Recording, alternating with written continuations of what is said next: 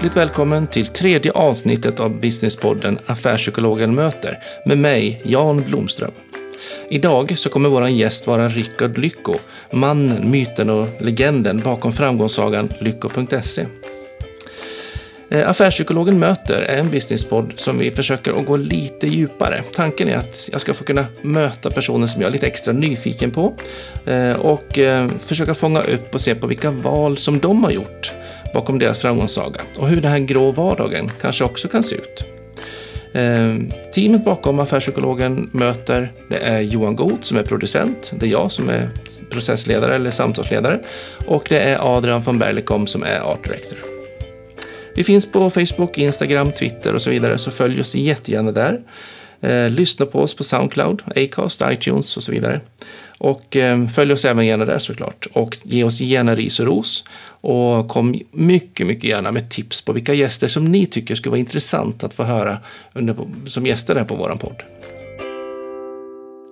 Men idag så ska vi träffa Rickard Lycko och vi kommer att luta oss tillbaka. Vi kommer att öka tempot i våra stavgångar. Vi kommer att koncentrera oss extra när vi sitter och kör bilen och sen bara lyssnar vi på Rickards berättelse.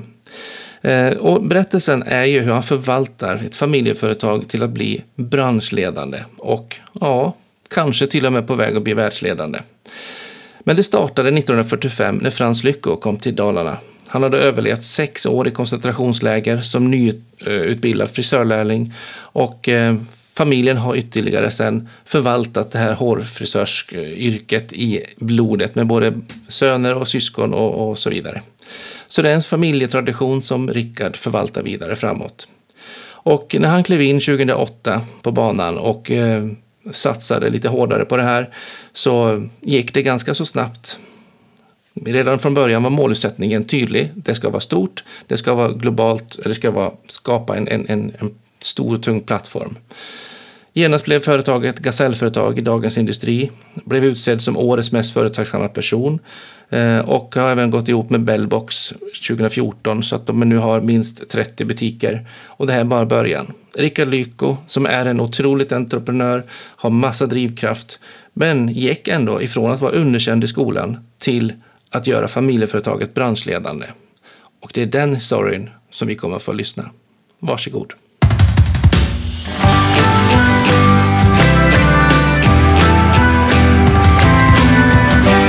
Okej, hjärtligt välkommen Rickard Lycko till Affärspsykologen möter. Tack så mycket. Vi fick till det här i början på året och eh, när det här spelas in och eh, vi har då överlevt jul och mellandagarna. Har du också varit tvungen att vara ledig någonting eller? Eh, nej, vi har kört på för fullt faktiskt. Grattis. Eh, så det har varit fullt, fullt ös. Ja.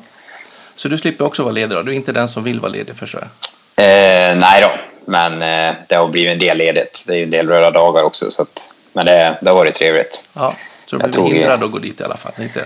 Ja, jag tog en rejäl förkylning här direkt. Ja. Det vart lite ledighet. Så.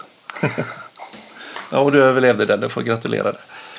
Ja. Jag brukar ha som motto att säga äntligen måndag. För helgerna är sån där evig väntan till vardagen börjar igen. Ja, jo, Men man kan ju tjuvstarta lite på helgerna också. Fuska lite. Ja, jo, det går ju. det brukar vara så. Man eh, jobbar mer än vad man egentligen är nyttigt. Ja, kan vara så. Du är då grundare av Lycko.se, hårvårdsprodukter. Ja, stämmer bra. Ja, Spännande. Vilken framgångssaga ni har haft. Eh, ja, nej. Och är mitt i. Ja, nej, absolut. Det har rullat på jättebra faktiskt. Ja. Det man hör om er, när man hör liksom er berätta, som, eller berätta storyn, eh, så är det ju liksom från, från koncentrationsläger till att vara mm. branschledare i, i e-handel inom de här produkterna. Ja, exakt. Det var ju farfar och därifrån efternamnet kommer och därifrån frisöryrket kommer då. Ja. Som var från Polen då egentligen. Så det är väl på den vägen. Så att eh, den historien är lång även om det är såklart att när jag flyttade hem och vi ombildade och gick digitalt som det tog fart på allvar. Då. Men, ja. men, eh, men yrket har funnits med oss länge. Så. Så du är frisör in i själens hjärta? I generna bakåt? Ja, absolut. Så det är väl för du är inte frisör själv va? Nej, jag är inte frisör. Min, min syster är frisör och min mamma och min pappa och min farfar då ja. är frisör. Så svarta fåret i familjen? Jajamän, stämmer. Brukar du klippa någon? Eh, nej, det är väldigt lite med det. Ja, ja det var det kul. Faktiskt. Ja, jag har gjort något tappert försök någon gång sådär, men på syrran tror jag. Ja. Men det är nog allt. Du fick aldrig komma tillbaka och försöka igen? Nej, det blev inget. Farfar ville väldigt gärna att jag skulle bli frisör, men nej, jag tror inte det. Det var inte riktigt för mig. Nej. Ehm, det är kanske är bättre att hon klipper dig? Eller vem är det som ja. klipper dig då? Eh, det brukar vara farsan som okay. fixar det. Ja. Och han bor hemma där också? Eh, ja, han bor i Dala-Järna och jag bor i Vansbro, men det skiljer, det är en mil emellan bara. Så. Ja. Och hemma där är ju liksom Västerdalarna för er, de som inte känner till det.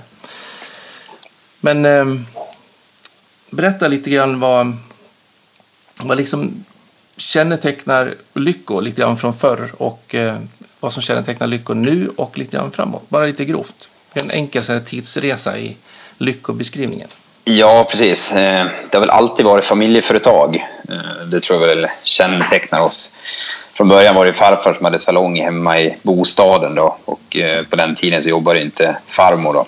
Mm. Och sen var det ju mamma och pappa då som drev salong tillsammans i Dala-Järna som hår och skägg. Och sen flyttade jag hem då och jobbade tillsammans med föräldrarna. Mm. Och eh, även syrran har varit aktiv eh, nästan hela tiden då, i bolaget. Då. Så det är väldigt mycket så familjekänsla och familjeföretag. I, i och en syster? Ja, precis. Mm. Eh, så det tror jag väl kännetecknar eh, bolaget mycket. För det är klart att när man driver det på det viset så blir det ett annat fokus och man tar ett annat ansvar tror jag när man har familjen mm. tillsammans. Då. Hur håller ni sams då, då som familj? Eh, nej, det tror jag vi löser genom att inte hålla sams. Ja. Så nej, vi, är inte, vi har inget, vi har inget lång, långt sinne utan det går, det går över snabbt men det blir högljutt. Eh, det är bättre nu ska jag säga. Vi är ja. lite eh, äldre och mognare kanske. Sen jobbar vi inte lika tätt längre. Jag flyttade hem så jobbade vi med dygnet runt tillsammans och bodde tillsammans och då var det lite för mycket. Ja. nu, nu går det bättre. Det brukar bli så de där perioderna. Ja, det är ju lätt så. Så släktmiddagarna då? Vad, vad, då håller ni sams nu då, Jeanette? Eller? Eh, ja, då, till och från i alla fall. Ja. Nej då, det gör vi väl. Överlag så är det väldigt, väldigt lugnt så.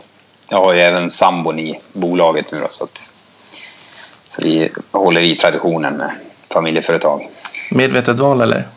Eh, ja, eh, nej, från början, från början inte. Men, eh, men det var jag som rekryterade in henne. Ja. Och eh, gick vi tillsammans senare. Så, att, så du, du tyckte hon var bra att rekrytera in i alla fall, så du såg ju något gott redan där? Var... Ja, exakt. exakt. Ja, vad spännande. Ehm, och framöver då, vad är, vad är lyckor där? Eh, nej, vi ska fortsätta växa så mycket vi bara kan och eh, jobbar allt för tillväxt. Och ett led i det är väl egentligen att jag, jag har sett mina begränsningar i, i mig själv och just att kunna jobba vidare och ta det till nästa nivå så måste man fortsätta utvecklas som person då, och mm. som bolag.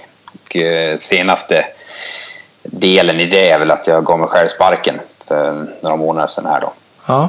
Och eh, lämnat över vd-posten till Håkan Håkansson då, som, som sitter som vd för Lycko Group nu då, och jag har lite mer oklar roll då, även om jag jobbar väl på ungefär som jag gjorde tidigare med mycket fokus kring e-handeln och logistiken här då och sådär. Mm. Men även helheten då. Kan du berätta hur det beslutet växte fram? Hur såg allvarssamtalen ut med dig själv? Och eh, vad var det du reagerade nej. på att du inte höll måttet?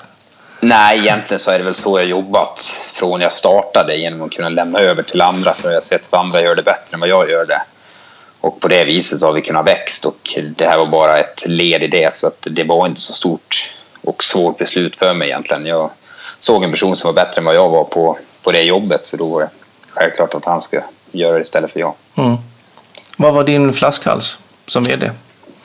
Nej, jag tror inte jag, jag har inte den detalj kunskapen kring, kring drivet som vd tror jag på den här nivån. Utan jag, eller det, det är klart att skulle jag verkligen vilja så kan jag sätta mig in och göra det också säkert. Men det är inte det, är inte det jag brinner för. utan Jag brinner för att driva företaget framåt och ta det till nästa nivå och fokusera på det. Och jag känner att det är risk att man fastnar i väldigt mycket dagligt om man sitter kvar som vd. Mm. Så din roll är, även om den är diffus fortfarande som du säger, är den mer utåt utvecklingsinriktad idag? Ja, jag försöker väl jobba mer med nästa steg egentligen i utvecklingen. Eh, både digitalt och fysiskt då. Mm. Men vi jobbar väldigt, väldigt nära så att det inte det är ingen jättestor skillnad. Så då. Vad spännande. Ja, det är riktigt kul. Så den dagen du gav dig själv sparken, då, vad, vad gjorde du den kvällen? Eh, nej, jag gjorde inte så mycket egentligen, utan det var väl sen man meddelade alla och det var där reaktionen uteblev väl. Så att, de hade bara väntat de, de, de tyckte, tyckte nog jag gjorde rätt. nej, jag vet inte. Det var, det var ingen större sak egentligen då. Så. Eh, och det var väl egentligen så vi kanske hade jobbat eh, en tid innan också, men då var det officiellt. Då. Mm. Vad får du för respons på det då? Även om medarbetarna själva inte kanske reagerar så starkt just då. Men, men liksom vad, vad, vad får du för signaler när du berättar om det? Nej, jag får inte så mycket signaler med tanke på att det är inte så mycket som har förändrats egentligen. Mm. Och vi har ju jobbat, eh, Håkan satt som vice vd innan då, i ett år. Så att det, eh, det har varit en ganska eh, lugn övergång. Så då. Vi gick ju tillsammans med ett annat bolag för lite drygt ett år sedan nu då. Mm. Och det var väl ett större, större steg egentligen. Då, så. Och det var Bellbox?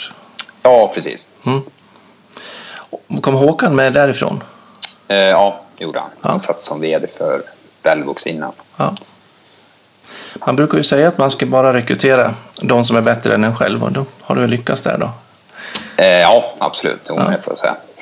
Vad gött. Ehm, eh, min erfarenhet som affärspsykolog är liksom att man kanske många gånger när man har varit med och startat från början så, så kan det vara att man kliver undan lite grann för sent. Att man sitter mm. gärna lite kvar. Och det var lite den delen jag tänkte på nu fått några reaktioner för att, att, att göra det så pass tid, relativt tidigt och, och, och ändå så pass prestigelöst som det låter som du har gjort är inte kanske det allra vanligaste. Nej, så är det säkert. Eh, men det tror jag har färgat hela, hela resan sedan vi startade egentligen. Att jag, jag har haft relativt lätt för att lämna över till andra personer för att jag, jag tycker att det blir ofta bättre när någon annan gör det än jag själv. Då. Och det mm. tror jag väl är en av styrkorna i, i mitt, mitt företagande egentligen. Då. Eh, även om det är en svaghet. Så, så, så nej, så det, det har alltid varit så egentligen. Och det är det tror jag som har gjort att vi har kunnat fortsätta utvecklas i, i den takt vi har gjort. Då, egentligen. Mm. Och du, egentligen är för svaghet sa du, fast det är din styrka. Är det folk som tycker det till dig, liksom att, att, du, att det är en svaghet? Eller vad? Eh, nej då, det, det, är väl ingen som, som har sagt rakt ut i alla fall. Nej, eh, nej men det, det, är också det man märkte när vi gick samman med ett annat bolag och vi var två relativt stora bolag i ungefär samma storlek och det är samma där. Det gäller att kunna vara prestigelös och, och kunna liksom lämna över saker och inte vara inne och peta i allting då, för då, då går det, tror jag inte det går. Det finns mycket fallgropar i alla fall. Mm. Spännande. Vilken mm. framtid du kommer att få göra. Ja. Eller hela bolaget i och för sig, men, men också att man vågar byta rollerna och att man, att man gör det som man får mest energi av och där man tillför verksamheten bäst. Och att man är ja. lyhörd för det. Sen är det inte alltid man, man kanske hamnar rätt på nästa post heller, men då kan man väl var sak har sin tid. Ja, oh, precis. Så att man, man, man är rörlig. Uh, uppe i Dalarna har jag förstått att du har fått uh, ett antal priser för företaget. Du har också eh, som person ja. även fått priset som årets mest företagsamma människa. Förstod jag någonstans här? Ja, just det. Just det. Um, och ni har säkert fått ett antal priser på nationell nivå också. Ja, något har jag fått. Något sånt. Ja. ja. Det har hänt i alla fall. Att ni får ja. lite utmärkelser. Ja, oh, absolut. I ödmjuk ton. Ja, exakt. Får gratulera till alla priser. Ja, tack så mycket. Vad är det man ser, om nu är lite nyfiken på dig mer som person, så vad är det som eh, ger dig titeln Årets mest företagsamma människa? Eh, ja, det är kanske inte är rätt person att svara på det, men eh, nej, jag vet inte. De tycker väl att vi har, eller jag har lyckats då. Mm, men det är klart att det är hela bolaget som har lyckats med det här drivet. Eh, vi är väldigt många personer som jobbar i bolaget och det är inte, det är inte en person som gör det. Även om det är klart att någon måste, måste dra det framåt eller staka ut vägen sådär då. Mm. Men det är väl egentligen det tror jag, drivet och sådär som, som vi har fått priserna, eller det priset för. Mm. Och vad betyder sådana priser för dig? Eh, nej, men det är alltid kul. Det är kul med uppmärksamhet och sådär. Och så, sen är det väl att det är väl lite som att få göra, göra ett mål i, eller vinna ett lopp i, i, i en idrott. Då. Eh, för det är ju klart att man, man, man kommer aldrig i mål när man driver bolag ofta utan det är en ständigt liksom växande och man, man ska vara på nästa steg hela tiden och man får stanna upp och stoppa händerna i skyn ett tag där. Och, så, så det är väl lite så tycker jag. Och Men det är lite. kul och, inspirerande. ja, exakt. kul och inspirerande. Ja. Vad blir det för nackdel med det då? Vad, vad, vad blir det för, för som blytung runt anklarna? Uh, nej, jag tycker inte det finns några nackdelar med det. Jag ser, det är nog bara fördelar. Det är bara fördelar. Att, ja. Är bara kompisarna som drygar sig ibland. ja, ja, exakt. Eller sådana som jag som drygar sig med frågorna. ja, nej, men jag har, jag har en sambo som, som tar ner mig om jag, om jag börjar sväva. Så ja. det är lugnt. Ja, bra. Man behöver de där som håller en kvar. Ja, exakt. Um, idag så har ni i alla fall ett ganska starkt ska säga, varumärke och en bra verksamhet. Uh, om du skulle berätta signumet för, för Lycko, liksom, vad, vad är skälen i, hos er? Den här eh, energin och drivet som du nämnde, men liksom, vad, vad, vad är liksom signumet för, för, för Lycko.se och Lyckobutikerna idag? Ja, det är väl egentligen det här highlight yourself-tänket med vår tagline, att vi vill liksom lyfta personerna i fråga liksom och göra kunden nöjd och ta fram det bästa hos en kund. Egentligen som man går och klipper sig just och får lyfta fram personen. Då. Sen vet ju vi också att det är inte produkterna som gör något, något underverk egentligen utan det sitter ju inne i självförtroendet och hur man tycker själv och hur man, hur man är. Men sen är produkten ett led där och kan den hjälpa, hjälpa till på vägen då, så, så hoppas vi kunna göra det. Men sen är det fokuset kring kunden i alla, alla lägen tror jag som är signumet som vi hoppas kunna vara, mm. vara det för. Jag tänker som psykolog så, så, så har man ju många gånger patienter som kanske behöver också lyfta sig själva och få fram och förfina sin egen person och, och liksom känna sig trygg och stolt för den man är. Eh, och då kan det ju vara gott med lite både hårvax och ansiktskräm och ja, annat. Ja, och ibland så faktiskt så, så spelar de nästan in som tyngre parametrar. Ja. Att man får gå till frisören eller att man får fixa sig och få känna sig liksom stolt och, och vara, vara ny. Ja, Nej, och det vi bygger det mycket på är ju att eh, för att kunna hjälpa någon annan med det så måste man ha en trygghet själv och en glädje i, i jobbet. Och det jobbar vi också mycket med, liksom, hur, hur man kan ha kul på jobbet och hur man hjälper till och hjälper varandra och lyfta varandra. Mm. Ja, för det verkar ju, när jag hör dig berätta så, så hur du ser på medarbetarna och hur du ser på kunderna så är det nästan samma sak. Att få dem att lyfta och ta, ta fram det bästa. Och...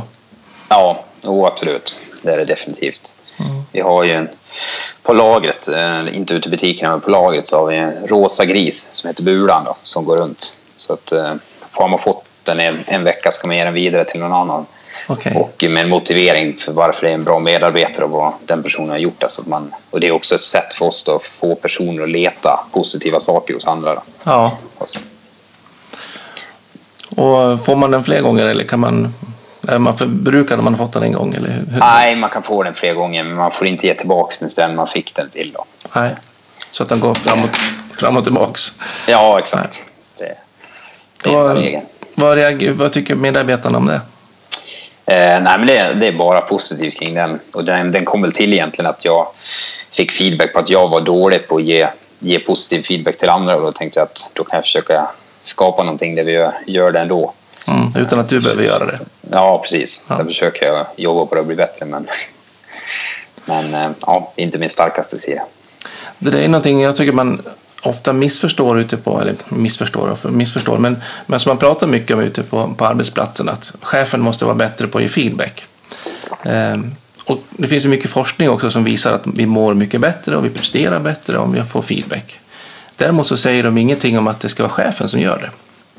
Nej, nej precis. Utan det viktigaste är att få en feedback. Och ju mer vi får liksom, med ledarskap på distans idag eh, så måste vi vara mer snabbfotade i organisationerna. Och då är det mycket lättare att de som jobbar nära varandra är de som också ger feedbacken. Ja, nej, och det handlar om att skapa en... Ja, precis. Och det handlar om att skapa en atmosfär och liksom en, en anda eller en... Eh, ja, vad heter det? En kultur av, av det i bolaget. Då. Och mm. det tycker jag väl att vi har ja, såklart, det är ingenting man blir klar med eller lyckas men vi har, vi har kommit ganska långt och lyckats ganska bra med det. Men det är också det jag har pratat mycket om med mina medarbetare är just det där att man kan vara olycklig var som helst och man kan vara lycklig var som helst. Och mm. Man kommer aldrig vara lycklig dit man kommer om man inte är det där man är. Utan man måste börja där man är och sen så kan man bli det på andra ställen också. Det, det där tror jag är jätteviktigt, just att man förstår skillnaden på vad som är roligt och hur man blir glad och lycklig eller mår bra.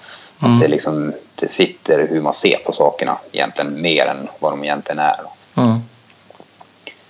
Men det är lättare sagt än gjort. Alltså det är ju mycket med mjukvarufrågorna så. Det, det är ju långsiktigt och målinriktat arbete som lätt kan backa tillbaks hundra steg. Men man får jobba målinriktat så, så kommer man ju fram. Ja. Men inte alltid så enkelt. Och man vet inte alltid vad man ska. Nej, så är det verkligen. Man har en aning om och så hoppas jag att det kommer i närheten. Ja, precis. Vad kul. Ehm, bara en liten sån detaljfråga på den här bulan där. Hur, mm. Är det typ en sån där, några centimeter eller det typ en halv meter, en meter? Vad är det för storlek? Eh, ja, på den rosa grisen. På rosa ja, grisen. så, så här ungefär, ett mjukisdjur. Ja, härligt. Ja. Vad säger butikspersonalen då, att de inte får någon? Eh, nej, jag vet inte. Det, det är som mindre grupper, så det blir lite svårare. Det blir lite för mycket. Vi har, vi har lite andra saker där. Det är såna olika peppningar och lite andra så positiv feedback eh, uppgifter och sådär. Mm. Vi har ju en bok som heter Lycko Way då. Eh, ja. Olika övningar och sådär som man jobbar med ute i butikerna. Ja. Eh, så där har man ganska mycket andra redskap för det. Ja, för jag tänker att du vill ju få till ungefär samma anda där, tänker jag, och kultur som, som på laget. Ja, absolut. Så är det. Sen är det ju som sagt två olika kulturer nu då, som har gått samman. Då. För det är ju från Bellbox-butikerna. Men de har också varit väldigt duktiga på det.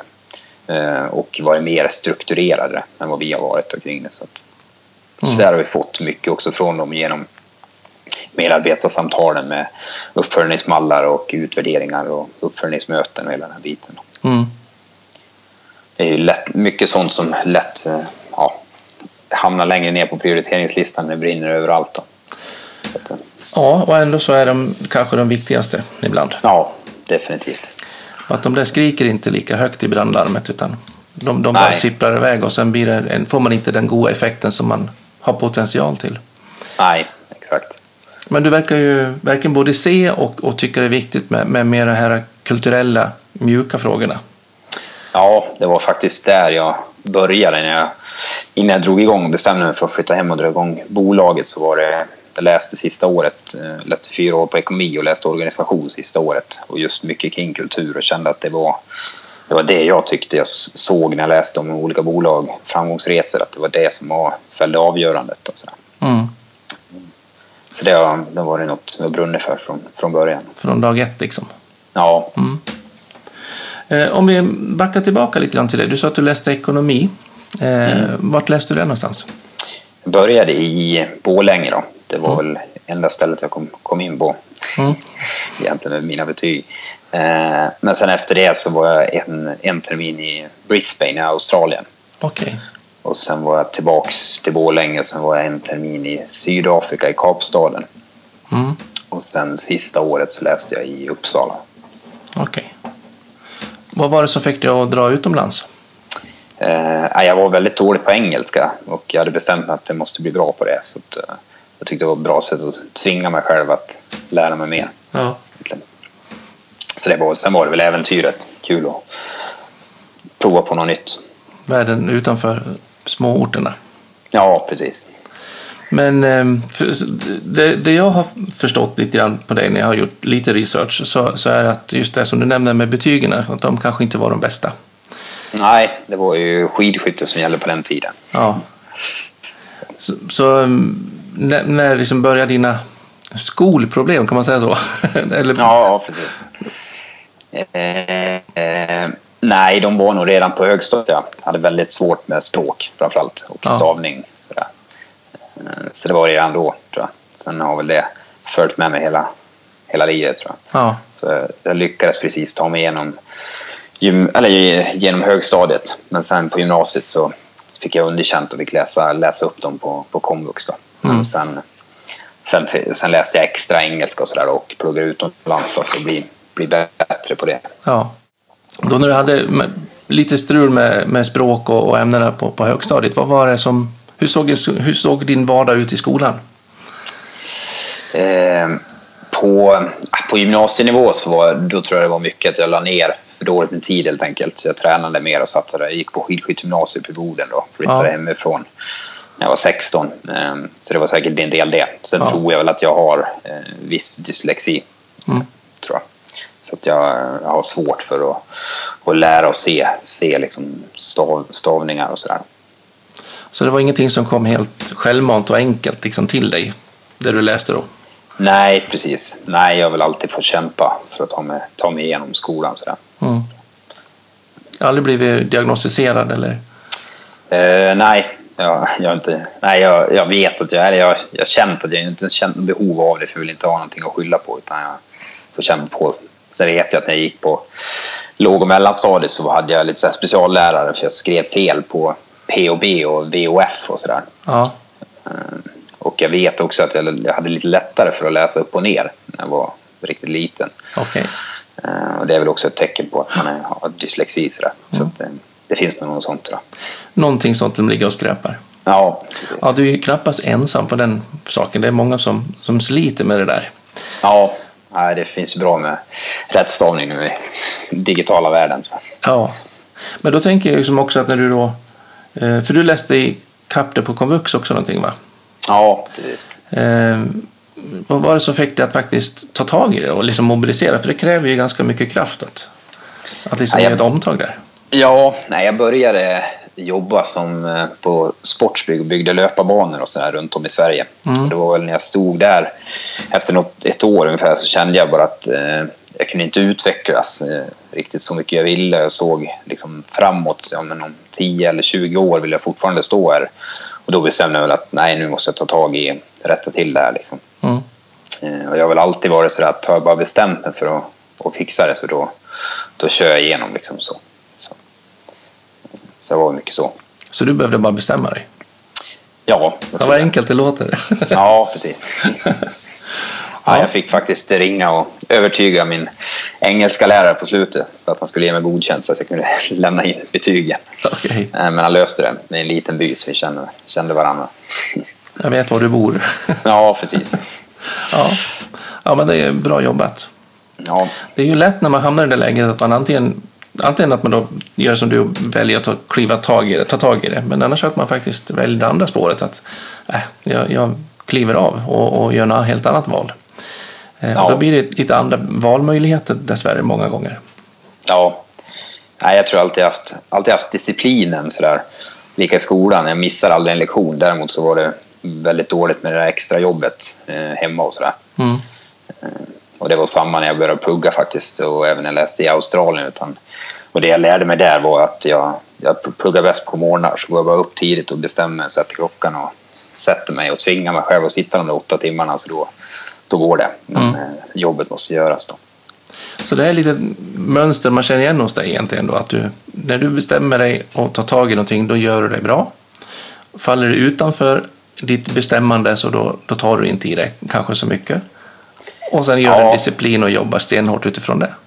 Ja, i alla fall jobbar hårt och bestämmer mig. Sen om det blir så bra, det ja. låter ju osagt. Men nej, och det är ju lika med skolan. Det är svårt att säga. Jag vet, jag vet ju inte hur mycket andra la ner tid. Men känslan var väl att jag fick lägga mycket mer tid än vad andra fick göra för att nå samma resultat. Och så ja. Men det är väl, jag har alltid haft, som sagt, viljan att kunna lägga tid och lägga mer tid än andra då för att nå, nå dit.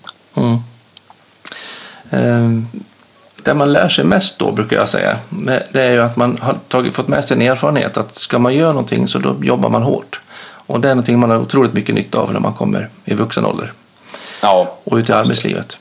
Ja, och talang, talang räcker ju ofta inte hela vägen utan man måste ha viljan också. Nej, eh, jag har jobbat en del med, med spetsskolor och sånt och där, har man en annan ände av, av skalan av problematik där, där, där, man har elever som har skött egentligen skolan med, med lillfinger mm. under hela vägen och aldrig behövt anstränga sig. Och sen plötsligt kommer man till en nivå och en utmaning där man måste kavla upp ärmarna och jobba. Ja. Och de är helt chockade på gymnasienivå. Ja. De har aldrig behövt liksom ansträngt sig och jag har aldrig behövt gjort en läxa. Nej.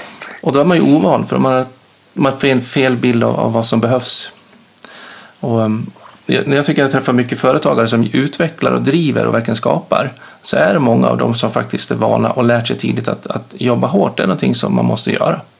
Mm, mm. De som bara går på, på enkelhet eller som smarthet, de, de, har man då missat det med, med, med att lägga i extra växlarna så då, då kan de ha lite sämre förutsättningar ibland. Ja. I alla fall min erfarenhet. Ja, så finns det absolut nej, undantag till alla, alla ni som är både smarta och, och snabbtänkta och alerta och haft en bra idé och jobbar stenhårt. Ja, precis. Men det är sällan någon som har en bra idé och bara råkar få framgångsrika verksamheter utan att jobba särskilt mycket. Nej, så kan det vara. Absolut. Det, det är bara vad många andra brukar säga. att oh, ni bara är företagare och kan tjäna pengar och ha det gott. Fast man ja. jobbar dygnet runt med 17 också. Ja, jo, så är det. Men det ser inte alla. Nej.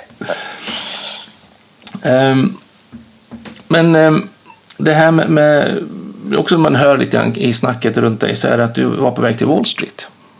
Ja, det var målet när jag började plugga. Ja. Vissa ska åka väl... till månen och du ska till Wall Street. Vad... Ja, exakt. vad, vad hade du i siktan? Vad var det som fanns i Wall Street som, jag tror det var intresset för aktier från början. Sådär. Eh, min pappa har alltid hållit på med aktier och jag, jag var med i Aktiespararna när jag var liten och sådär. Mm. Jag hade börjat eh, läsa en del om teknisk analys och hela den där biten. Så det var det som drog, eh, tror jag, en del. Mm. Och då trodde jag att det skulle vara väldigt spännande med det. Men nu så här i efterhand så vet jag att det, det hade nog inte passat mig så bra. Nej. men, men det är kanske tävlings, tävlingsdelen där i och för sig då. Kanske skulle funka bra. Ja, och, och tävling är någonting som du har i dig mycket då, misstänker jag. Eh, ja, jo, det får jag väl säga. Det tenderar väl att bli så. Vad hände med skidskyttet då? Eh, nej, jag insåg väl någonstans att jag var inte tillräckligt bra helt enkelt. Så att, eh, jag, jag, skulle inte, jag skulle kunna kämpa på i många år till utan att bli någonting och då, då kände jag bara att nej, då ska jag göra något annat. Mm, och då har du ju hittat något annat. Ja, exakt. Hon har varit ett bra substitut för, för det. Ja. Sen var det väl militärtjänsten som hjälpte mig också att avsluta skidorna en del också. Okej. Okay. Att det kom i, i vägen rent tidsmässigt eller? Ja, exakt. Det var mm. ett år som försvann där och sen efter det så var det ingen vidare satsning sen. Nej. Har du den här tävlingsandan också i familjen? Att du ska vara bäst i familjen? Ja, det, men då är det nog mer på nivån om vi spelar spel eller, eller någonting annat. Inte, inte den, inte den levnadstävlingen på det viset. Nej. Och det är inte därför du känner att jag måste, ska jag in i familjeföretag då ska jag banne mig få till ett jäkligt bra eh, Nej, nej det har det inte varit. Däremot så har jag alltid varit helt säker på att det skulle bli stort. Så att jag ville få med mig alla i familjen så att de mm. kunde vara med på den här resan. Egentligen. Det var så jag försökte, eller fick med syrran också i början för jag ville att hon skulle vara med en del av det. Nu när det skulle bli så stort som det skulle bli. Sen mm. vet, sen, men det var ju samma när jag gick in i skidskyttet. Jag var helt säker på att jag skulle bli bäst i världen. Sen blev jag inte det. Men, Nej, men, men det, det vet man ju aldrig förrän man har ju försökt. Nej, exakt. Så att, eh, men det har alltid varit liksom fokuset så det har inte varit någon tvekan på det. Nej. Spännande. Um, vad hände med syrran din då? När du, för, för när du hade pluggat klart och det vart ingen Wall Street, då bestämde du att nej, jag ska nog flytta hem igen då, och så kör vi igång det där. Ja, exakt. Så jag ringde ju syrran och bad henne ta lån på lägenheten och stoppa alla sparpengar i, i bolaget och så ombildade vi till, till aktiebolag. Mina föräldrar driver som handelsbolag tidigare. Ja. Och så ringde jag till morsan och farsan och sa samma sak egentligen. Ta lån på huset och stoppa in alla besparingar in i aktiebolaget så kör vi igång. Och reaktion var... var jubel eller vad? Eh, ja, Nej, jubel var kanske att ta i men eh, de trodde också på, på det. Så att, mm. Eh, det, var, det var ungefär vad de gjorde. Mm. Vad såg visionen ut då när du startade? Vad var det du sålde in till dem? Som fick eh, dem att skuldsätta sig? Och... Ja, vad var visionen? Jag vet inte, mitt sikte har ju alltid varit Ikea och H&M jag minns faktiskt inte om det var det jag sålde in eller om det, det var någonting annat mer än att jag skulle flytta hem och det skulle bli riktigt, riktigt stort. Sen mm. var, var riktigt, riktigt stort var i min värld så vet jag inte om jag förmedlade det. Men, men något stort ska det bli? Eller ja, med? exakt. Jo, men det, så var det i alla fall. Ja, coolt. Det är inte så dumt med de där familjerna. Nej, som, som nappar utan att egentligen veta vad de säger ja till. ja, exakt. Ja, det kanske de hade full koll på. Framförallt Nej. så kände de säkert till dig att du inte ger upp. Ja, möjligt. Um, om man då ser lite grann på um, de, de utmaningarna som, som bolaget står i nu då? Nu... Uh, ja. Nej, jag vet. Eh, det är väl alltid det där, man vet inte riktigt vad det är för utmaningar. Jag vet ju en del utmaningar vi har nu och jag vet att ska vi växa i den takten vi har tänkt oss så kommer det vara utmaningar överallt egentligen. Eh, sen, sen är det väl alltid det där att man naivt inte ser hur, hur svårt och hur tufft det kommer att bli. Eh, och det kommer det säkert fortsätta vara. Så att, men, men det ser man inte just nu. Nu ser man mest möjligheterna. Men, Hade man sett det skulle man aldrig göra det. Så Nej, lite så. Där ingår grundpsykologin. Ja, exakt. Det gäller inte veta för mycket. Ja, precis. Eh, men, men är liksom är utmaningarna i rent eh, affärsidén eller rent logistikmässigt tycker du idag? Eller ligger det i personaldelen? Nej, det, är, det är egentligen på alla, alla delar. Logistiken är ju eh, väldigt tuff också när vi växer så mycket som vi gör.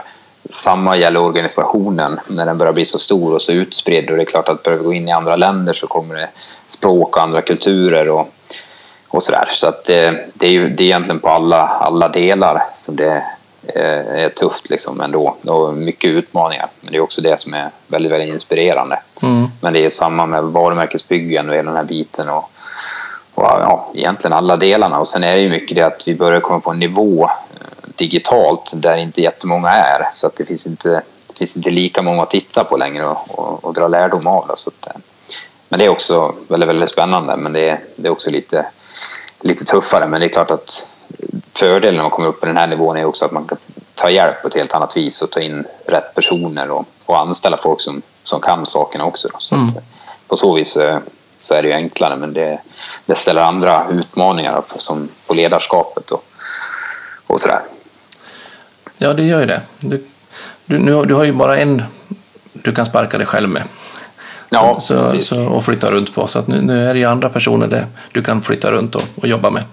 Ja, nej, och det, jag tror liksom lösningen på det där är ju liksom att man, man måste bara fortsätta utvecklas som person och som bolag. För jag menar, det enda, det enda vi vet är ju om framtiden att den inte kommer vara som den är idag. Ehm, och det är bara att försöka kunna anpassa sig och bli bra på att anpassa sig egentligen. Det är väl det vi jobbar med. Hur passar det här in med, med, med eran, säga, bolagets själ eller identitet? Med, med att, eh, är ni, är ni liksom mer försiktiga och helst skulle vilja haft fler att snegla på och kolla på även nu när det börjar komma upp på den här nivån? Eller är ni mer ett företag som säger att men vi skiter i det där, vi skapar vår egen standard? Eh, ja, vad är det för... Jag tror det är, det är någon form av blandning. Eh, vi tycker att det är otroligt kul när vi är på på en nivå som inte jättemånga är på men samtidigt finns det enormt många stora bolag ute i världen att kolla på och, så där. och även fast det är digitalt en del, nu är vi väldigt mycket både digitalt och offline och, men, men även med det så är ju, är ju liksom grundregeln och grundsättet är ju detsamma. Organisationer har funnits i lång tid liksom. och det är samma mekaniker bakom även om det är digitalt. Då. Mm. Så. Att eh, nej, men det, vi, har, vi har väl alltid varit ute på lite osäker mark och inte vetat riktigt vad vi hållit på med. Och det, det tänker vi väl fortsätta med. Mm.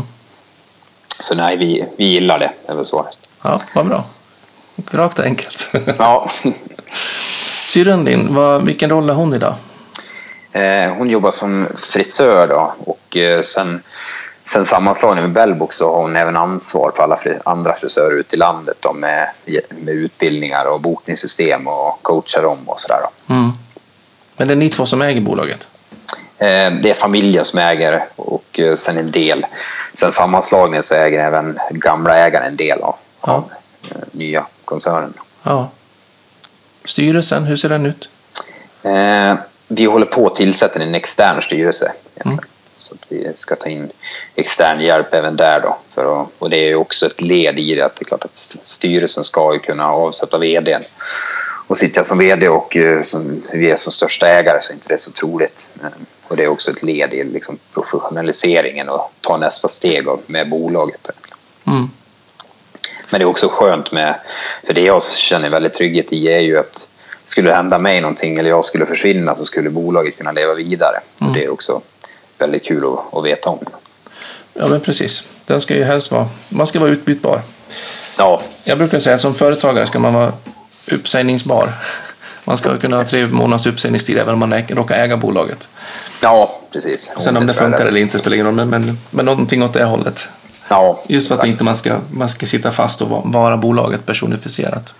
Nej, och det tror jag också ger ett lugn till en själv också, att man inte inte är beroende av, av en själv. Mm. Eh, din nya roll som inte är helt klar, hur går den processen till? Är det vänta och se vad det blir eller jobbar ni aktivt med att försöka utforma den? Eller blir det att det är din roll att dams, liksom vara ute och känna in de olika utmaningarna som dyker upp och vad ni behöver rusta er inför? Ja, eh, tanken, alltså så som jag alltid försökt är väl att liksom göra mig själv onödig egentligen. Sen, sen låter ju det där bättre än vad det är egentligen. Det är klart att jag ja, jobbar, jobbar, jobbar väldigt mycket och, och är inne i väldigt mycket också. Även om jag inte tror att det är så beroende av, av mig då. Men, men det är väl också just, just för att kunna ha den här se nästa steg och se vad vi ska göra så måste du vara väldigt inne i detaljerna och förstå hela verksamheten i alla delar. Mm. Och liksom för att kunna få det liksom, perspektivet på verksamheten så behöver man vara inne i väldigt mycket. Så att eh, jag är inne i, i det mesta egentligen och sitter med. Och jag är väldigt mycket länken mellan Stockholm och Vansbro också. Då. Mm. Sådär. Så att det, det är väl mer så. Eh, sen sitter jag väl nu som någon form av ja, logistik och inköp och e-handelschef eller sådär. Då. Eh, men eh, den ska väl fortsätta vara ungefär så definierad som den är idag egentligen. Jag jobbar ungefär som jag gjorde jag var som VD också så det är inte det är inte så stor skillnad för mig. Samtidigt som jag inte lägger mig i VDns jobb men det är, det är sällan det blir någon konflikt i det där. Mm. Utan vi, vi för en nära dialog liksom och ja, båda vill ju åt samma håll så att vi tycker för det mesta tillräckligt likadant. Lika. Ja, tillräckligt lika efter diskussioner. Sådär. Så att, så, mm. nej, det har funkat bra. Sen är, sen är väl också något som jag har jobbat väldigt mycket med är ju att jag försöker inte ha en massa ja-sägare bredvid mig hela tiden som tycker som jag och tycker att allt jag säger är bra. Utan jag har, har väldigt många som tycker väldigt mycket annorlunda än mig. Och jag får ändra mig, ibland får jag rätt, ibland får jag fel och så, så kommer vi alltid till ett bättre beslut än om jag hade fått bestämma helt själv. Och sådär. Mm, så är det faktiskt varenda jäkla gång. Ja. även, om det, även om det kan svida ibland. Ja, precis. ja. Sitter Håkan då som ny vd, sitter han i Stockholm eller sitter han i, i Vansbro också? Eh, jag sitter i Stockholm mm. och eh, vi har väl egentligen nästan hela ledningsgruppen i, i Stockholm. Då. Ja. Eh, men det är också lite för att det är lättare att hitta kompetensen i Stockholm än i Vansbro. Då. Är det någonting som ni gör strategiskt, att ni jobbar för att etablera ledningen mer i Stockholm och ni har Vansbro med som lagret bara? Bara, ursäkta mig, men eh, ja, logistikcentralen? Nej.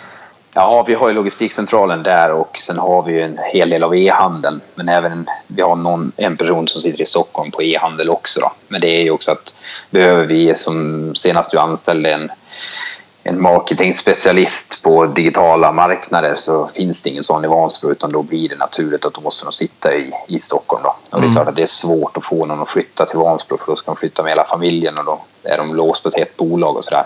Mm. Ehm, så på så vis så kommer det säkert fortsätta vara där vi behöver väldigt spetskompetens så kommer det nog att hamna i Stockholm. Då. Men, mm. men det finns ingen uttalad strategi för det i, i övrigt. Så. Nej. Vart har ni kontor där? Ehm, på Kungsholmen ja. Garvaregatan. Mm. Bredvid Stadshuset nästan. Okej. Okay. Ja, det är i alla fall centralt. Det är lätt att... Det gångavstånd ifrån tåget. Ja. Där du ska ner. Så jag, så jag hittar dit. Ja, precis. Inne i storstan. Ja. Um, ni är också på väg in i Norge, har jag förstått. Eh, ja, det är vi. Ja, vi, vi tror det i alla fall. Jag har sagt det under flera års tid nu. Vi har ju en en butik i Norge och vi har öppnat upp e-handeln för Norge eller haft den öppen under lång tid men vi har inte gjort någon satsning. Och, eh, men det har varit för att vi har växt så mycket i Sverige hela tiden och vi har sett att så länge vi kan växa så snabbt som vi vill, eller tillräckligt snabbt i alla fall, så mm. i Sverige finns det ingen anledning att satsa. Och det är lite, lite samma tanke. Vi kommer att lägga en del krut på Norge nu. Det är väl mm. mer eller mindre bestämt nästa år. Men det kommer inte vara någon jättesatsning från start utan vi kommer fortsätta fokusera hårt på Sverige eftersom vi fortsätter växa väldigt mycket där. Ja, det är 51. Ursäkta, vi tar om den lite för det har varit ett hack där. Ja. Eh, med Norge. För, för då har ni en butik i Norge och så har ni handeln uppe sedan ett tag tillbaka. Men ni har inte jobbat så hårt med det? Ja, exakt. Nej, vi har inte gjort någon satsning och vi har inte lagt några marknadspengar på det. Men det är väl tanken att vi kommer att smygstarta och dra igång lite nästa år. Eller i år då blir det. Mm. Mm. Men, eh, men det kommer inte vara någon jättesatsning från start utan eftersom vi fortsätter växa så kraftigt i Sverige så behåller vi fokuset i Sverige. Hur tänker du rent organisatoriskt med, med att gå in i en ny marknad så här? Har du liksom lägger ni över så att det blir ett ansvarsområde för, för, för någon egen avdelning i organisationen eller är det samma personer som sköter även Norgemarknaden? Nej, vi har börjat lagt över det. För jag tror vi, vi märker ju att annars blir det någonting man gör, gör på sidan om bara sådär. Så att vi kommer att försöka göra det. Eh, sen är det klart att vi kan inte sätta upp alla positioner för det, men, men till viss del så får en, en person ansvar och bara sitta med Norge egentligen. Då. Mm. Så det, det är tanken. Ja. Spännande att börja bygga strukturen för, för en global koncern.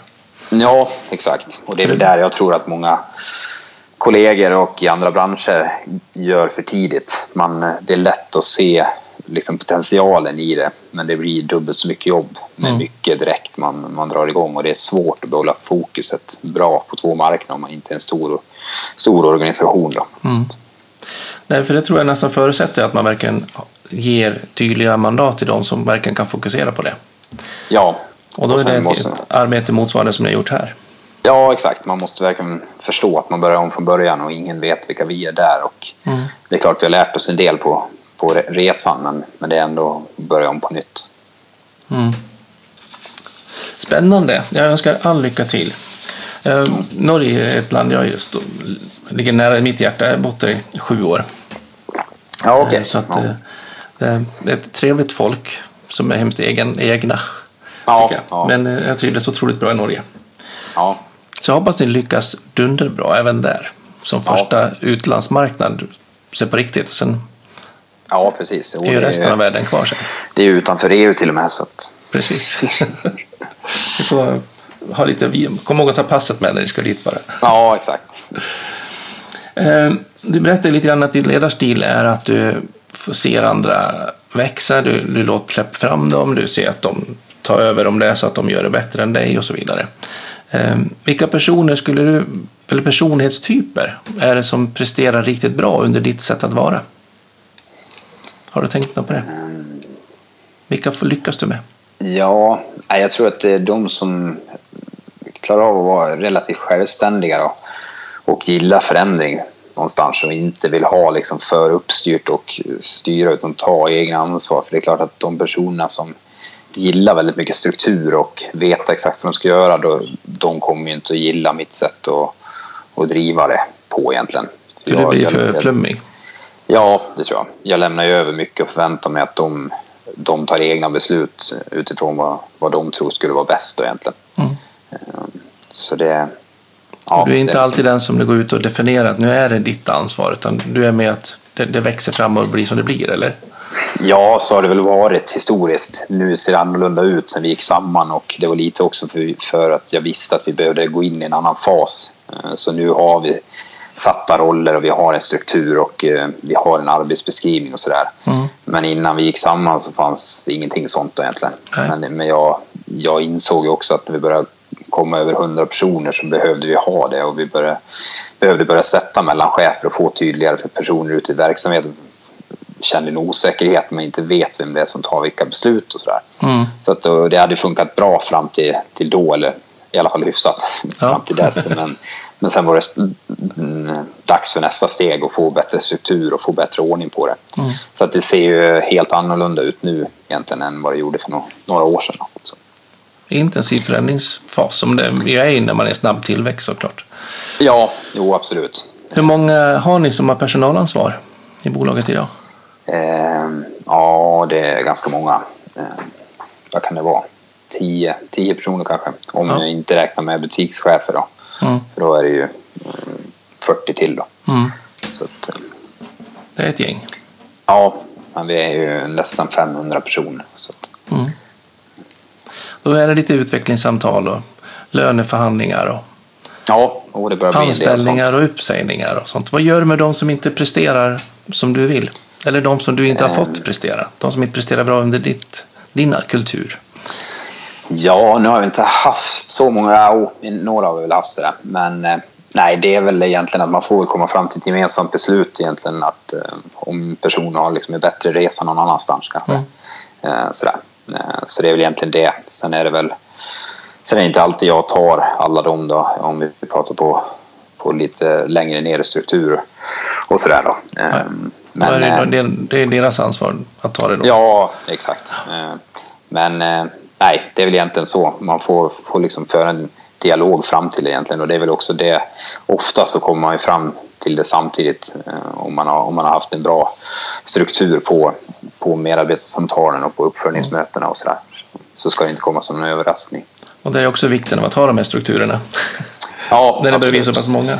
Ja, definitivt. Och det, det tvingar ju en också att ta de här sakerna. Mm. Så annars är det sånt som är lätt att skjuta på. Mm. Men, eh, men det är också en sån där sak som jag tror eh, man inte kommer... Man, man, får inte bolag att växa så mycket om man inte städar undan som, som, även de sakerna som är jobbiga.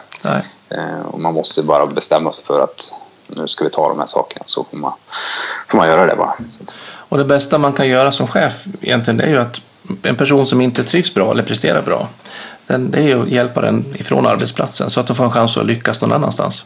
Ja, definitivt. Istället för att man håller dem kvar och, och under armarna och både kollegor och chefer går runt och klagar och ser negativt på dem. Ja, och det är ju det man har lärt sig är ju alltså har man en öppen dialog och ingenting liksom man, man talar ut det man menar och inte, ingenting annat så, så blir det sällan liksom några stora saker av det om man bara diskuterar dem. Mm. Det är mm. ofta sakerna man inte diskuterar som blir stora. Ja. Men sen är det också att ta rätt på, på konflikter och sånt i ett väldigt tidigt skede. Det är ofta mycket lättare att lösa mm. innan de blir stora. Eh, svåra samtal är aldrig svårare än innan man tar dem, brukar jag säga. Nej, nej exakt. För fantasin skenar ju. Ja. Man, och vad de kommer att hända och vad de kommer att säga och hur de kommer att tycka. Ja. Är bara att ta samtalet och så blir det alltid mycket mindre dramatiskt än vad man har inbillat sig.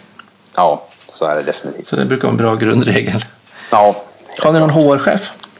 Eh, ja, det har vi. Men vi får faktiskt en ny HR-chef. Som, hon börjar väl idag kanske. Ja. tror jag. Något eh, sånt. Början, ja, exakt. Början på januari. Här. Ja. Eh, så, sen är det HR-ansvaret här uppe i Vansbro. är min sambo som har det. Ja. Och sen har vi en till HR-generalist och som är tre egentligen på HR. Ja. Spännande. Mm. Vilken eh, tillvaro du verkar ha. Ja, det, nej, men det är spännande. Du verkar inte vantrivas misstänker jag. nej, nej, det är riktigt kul. Um, om det, någonstans är det att även om bolaget överlever dig förhoppningsvis så att det blir många generationer så släkten får fortsätta och, och, och ja, förvalta. Precis. Eh, så, så er eh, resa blir ännu längre. Så någonstans så kommer du antagligen att, att ta död på, på, på din tillvaro, eller som jag gör. Vi har våra dagar räknade. Ja. Och då är jag lite nyfiken på vad, vad kommer att stå på din gravsten den dagen? Ja, vad kommer stå på din gravsten? Eh, ja, vad kommer säga om dig? ja, en bra fråga. Var han som bara så, han som såg möjligheten hos alla andra eller han som inte kunde något själv? ja, precis. Nej, men jag tror väl att, eh, eller det jag, det jag har hört och som, som inte jag själv kan se sådär, det är väl att det är väl just det drivet, att man, man har det drivet alltid liksom. Så det är väl det är kanske någonting om det det skulle stå då. Mm. Um, så, ja. Han hade till och med drivet. Ja, precis. Ja, något, något sånt tror jag. Du, jag längtar till det står lyckor på alla vagnar och, alla sedlar och allting sånt där. Samma som när de åker världen runt som man ser på Ikea idag. Ja, ja precis. Ja, Så den, någon generation kanske. Ja, exakt. Eh, några sådana stående frågor så här på slutet. Eh, skulle vilja höra vilken annan gäst skulle du vara lite nyfiken på att se som gäst här på Affärspsykologen möter? Um, Om du fick välja. Ja, Ja, nu ska jag fundera lite. Alltid svårt. Jag, på, jag tycker en person som är intressant som jag som är intressant att höra på tycker jag, det är Navid Modiri tror jag han heter. Ja, just. Um, vi har väl träffat varandra några gånger. Han är med i Young Entrepreneurs of Sweden. Just det. Är du med där också? Ja, det är ja. Även om jag är, börjar gå på utgångsdatumet där. Ja, man är bäst före då. Men de, de, har flyttat upp det där varje styrelsemöte. Ja, det är väl för grundarna börjar väl också bli äldre. Ja, exakt. De måste flytta det. Han eh, var programledare faktiskt på en, en spännande serie på eh, Sveriges Radio någonstans, på, eller webb-tv eller vad det var, eh, som hette Diktatorn. Ja, just det. Just det. Han var riktigt trevlig. Ja. ja. Nej, men jag tycker det är intressant. Jag tycker det är kul också med personer som ser lite annorlunda på tillvaron och har lite annan syn på saker. Ja, spännande. Ehm, då har jag en liten till fråga eh, och det är vilket är ditt främsta framgångstips för att ett förändringsarbete ska bli så riktigt, riktigt lyckat? Ehm, ja, om man ska ha ett förändringsarbete så tror jag det, det är viktigt liksom bara att sätta upp målet med, med arbetet liksom, så att man, man tvingar sig själv att liksom, eh, ta tag i sakerna och ta sig dit. Eh, det tror jag väl är, är det viktiga. Sen, sen ska jag säga, med det sagt så är jag väldigt dålig på, på att sätta egna mål. Sådär.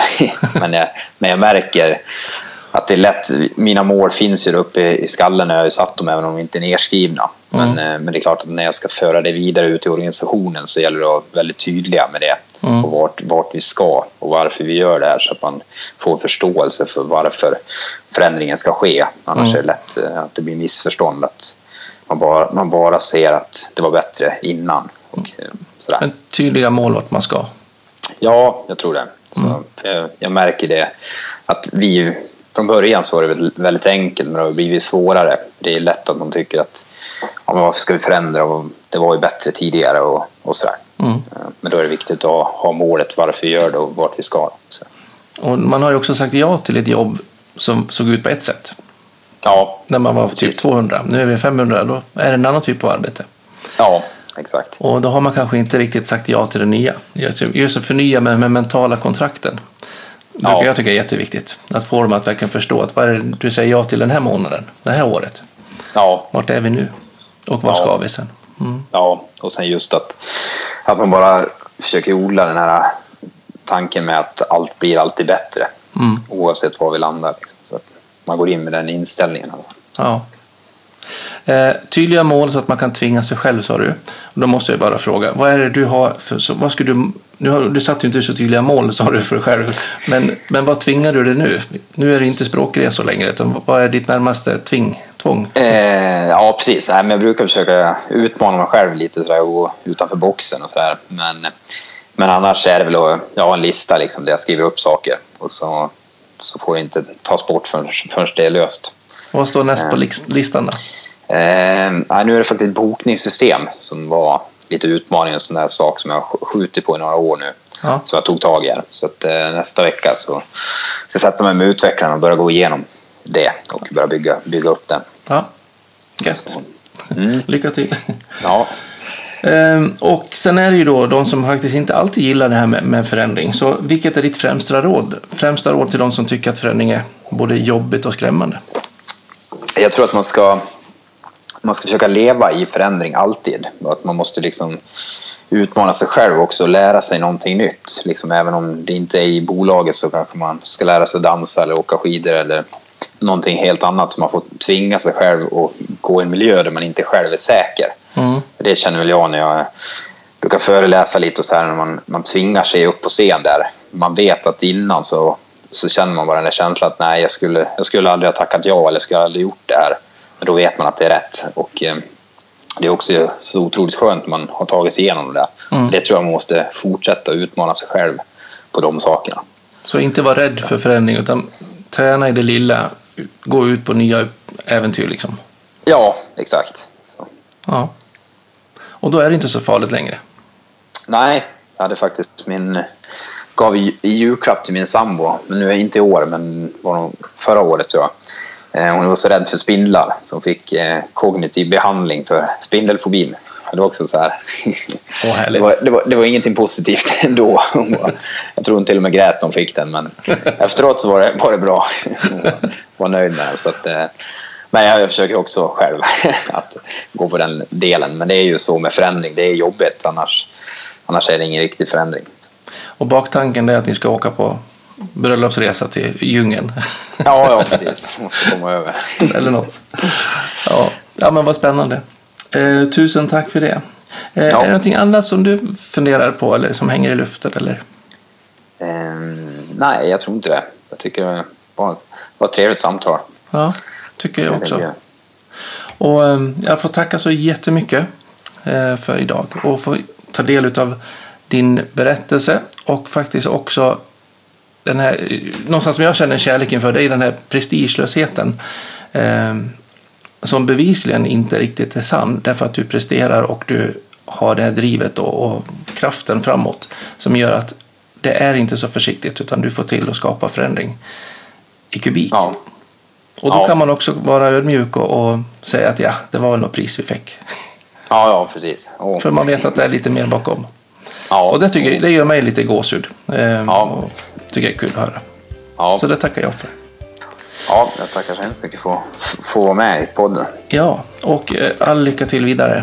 Och eh, så åter hörs vi kanske när ni börjar in i lite nya marknader. Ja, ja men absolut. Spännande. Ja. Tusen tack för idag. Ja, tack Hej. så mycket. Hej.